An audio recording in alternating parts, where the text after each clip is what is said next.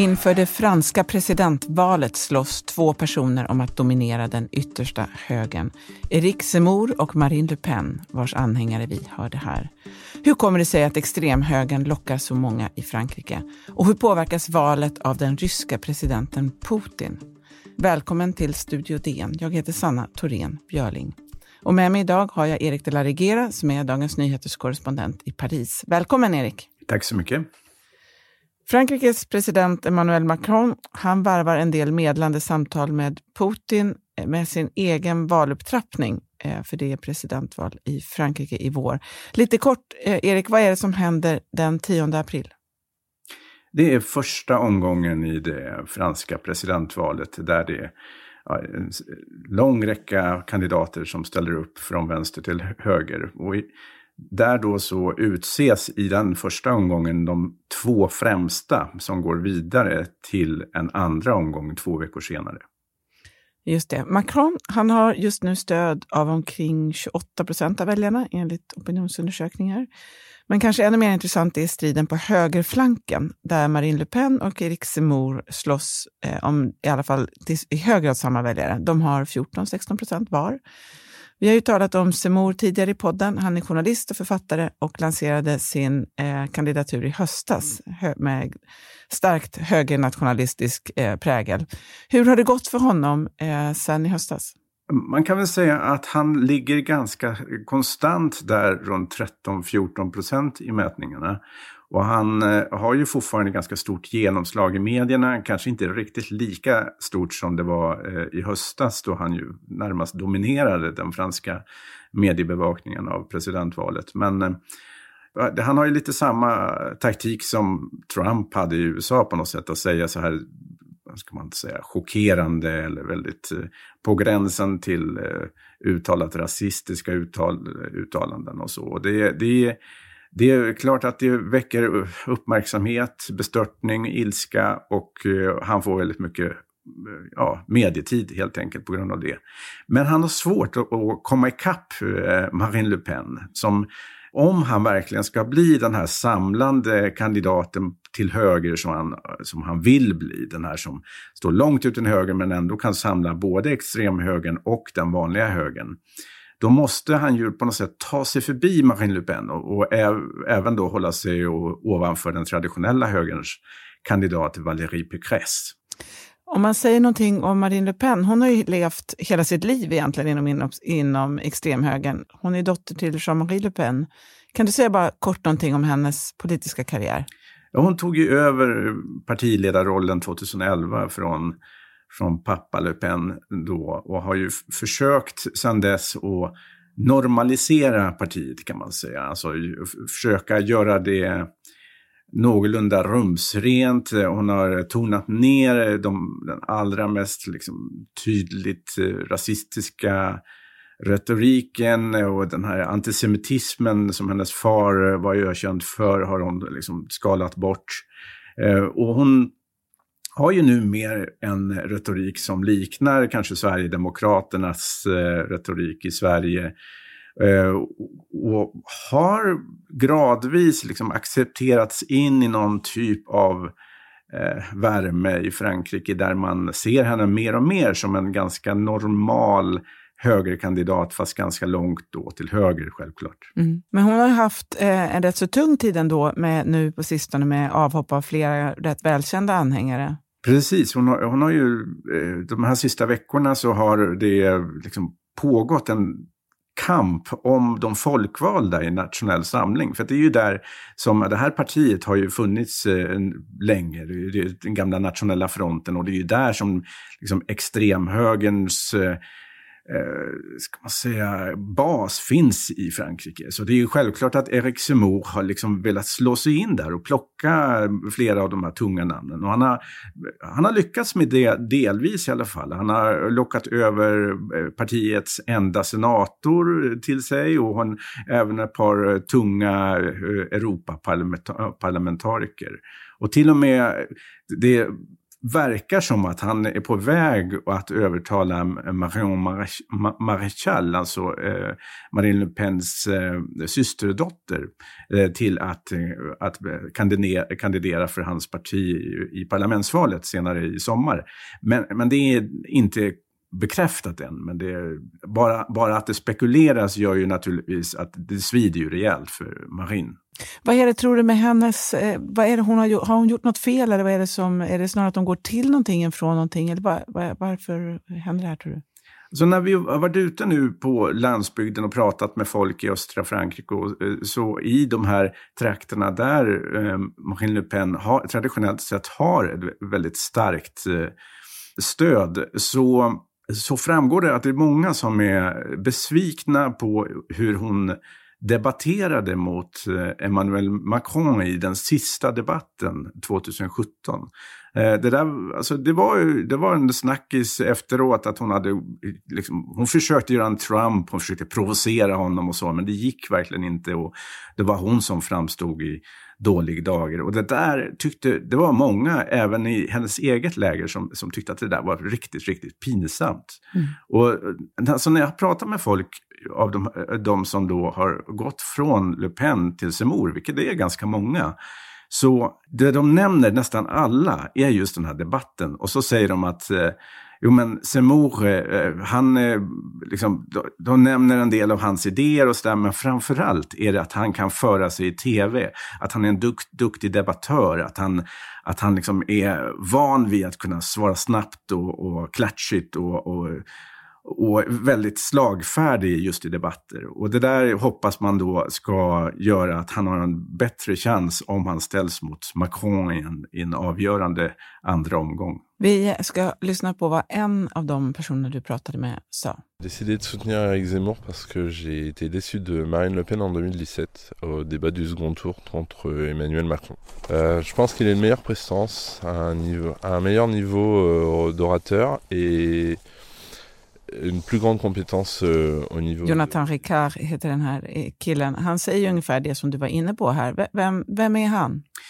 Ja, han, är en, han är en budförare i en, en liten by eh, i östra Frankrike, då i Champagne-regionen. Och han är eh, gift med en kassörska och de eh, ja, har ett ganska vanligt liv, man ska kalla det, i, i den här delen av Frankrike.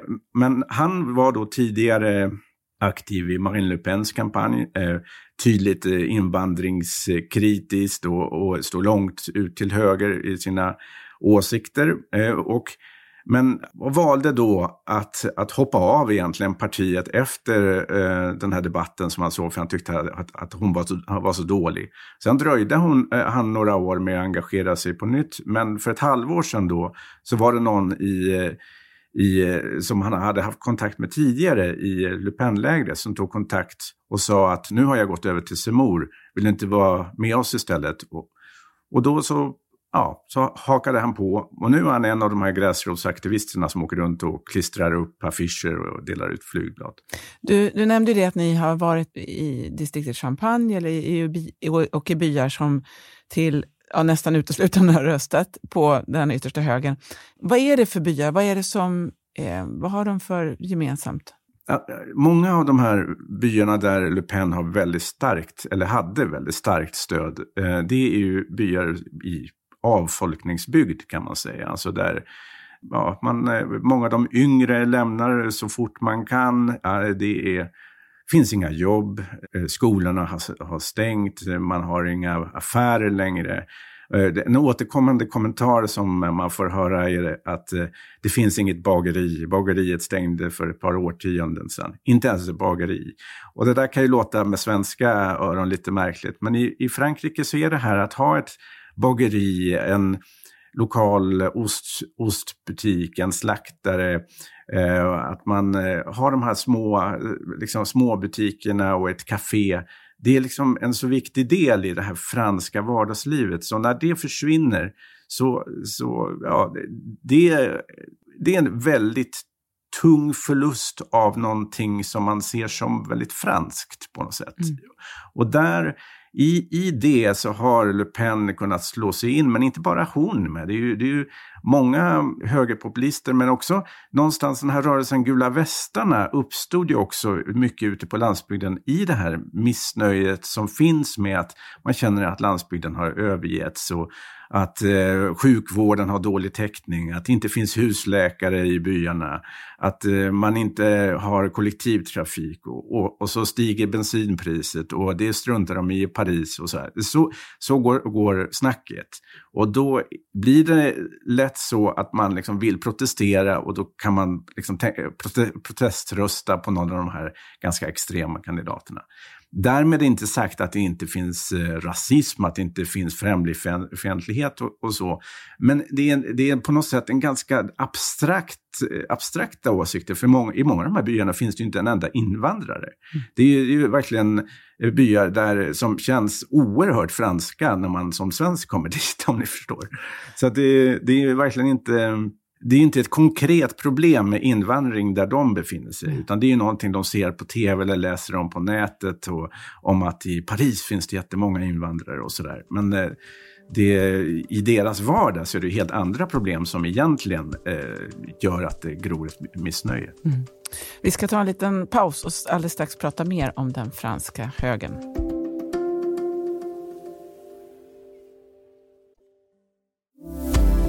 Studio DN idag. Vi pratar med Erik de la Regera om maktkampen inom den franska högern.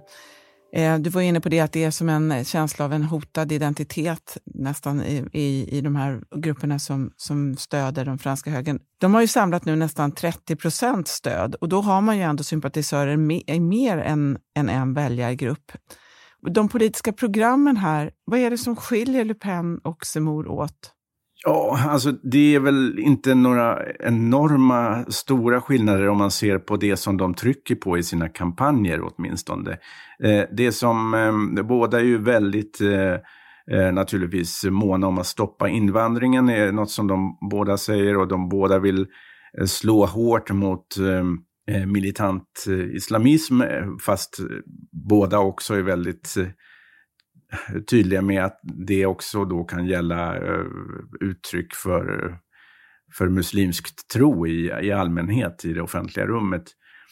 Och båda vill satsa stort på uh, mer pengar på säkerhet, alltså på polis och uh, militär. Mm. Så att, alltså det, det, är klart att det finns vissa detaljer som skiljer dem åt och de försöker de ju lyfta fram, bland annat nu under den här, det här kriget eh, Eh, som pågår så har ju eh, Erik Zemmour nu sagt att han eh, inte vill att det ska komma några, några ukrainska flyktingar medan Marine Le Pen har sagt att hon eh, i det, just det här fallet kan tänka sig att eh, Frankrike tar emot flyktingar och så. Och då lyfter Zemmour snabbt fram att jag är minsann den som är tuffast då i det här. Och så så det, de försöker liksom profilera sig på det viset mot varandra. Eh, men mycket så handlar det ju här om en slags eh, personfråga. Eh, att, att eh, de, de försöker lyfta fram, vem, eller i alla fall Semor försöker lyfta fram att han då är bättre lämpad på något sätt. Mm. Är det någon av dem som är mer populär i storstäderna, tänker jag? För att de måste ju ha stöd även där. Så Semor har lyckats någorlunda väl med att ta sig in i det som man skulle kunna kalla delar av den katolska traditionella högern. Alltså det, det, är väl inte storstäder utan snarare i mellanstora städer ute i landet eh, där det finns de som röstade på François Fillon till exempel i, i eh, förra presidentvalet så var det ganska många av dem som, alltså de som motsätter sig eh, samkönade äktenskap, eh, som är Eh, skeptiska till abort eh, och som tillhör en konservativ katolsk höger, ofta lite äldre, men som eh, tidigare inte har kunnat tänka sig att rösta på extremhögern av, av rent historiska skäl, för att man, man, ser, det, ja, man ser det som alltså Le Pens parti som en slags arvtagare till till Vichy-regimen helt enkelt, alltså att, eh, under nazisterna. Så det, det, det, har varit otänkbart för många att, att rösta på dem. Men nu, nu då, genom att Semor inte har den här direkta kopplingen till det partiet, även om man ibland i sin retorik låter mer radikal, så kan man då överväga att rösta på honom. Mm. Du nämnde ju kriget här eh, mellan Ryssland och Ukraina. Det är ju intressant med Ryssland, framförallt Le Pen har ju varit väldigt ryssvänlig eh, tidigare. Hur, hur då? Ja, hon, hon var ju bland annat inför förra pres presidentvalet 2017 så var hon ju ekonomiskt trångmål och hade svårt att få ihop pengar till sin kampanj och fick då ett stort lån från en rysk bank. Eh, och hon var i Moskva, hon, det togs bilder på henne och Vladimir Putin och hon har uttalat sig väldigt positivt om honom och hon, och hon sa också att eh, väst, Frankrike och andra västmakter borde erkänna annekteringen av Krim. Så hon har ju haft en väldigt eh, liksom, Rysslandsvänlig retorik och hon, är också, hon vill också att, eh, att Frankrike ska dra sig ur NATO och har sagt tidigare att hon ville att, man, att landet istället skulle närma sig Ryssland. Och hur, hur hanterar hon det där nu?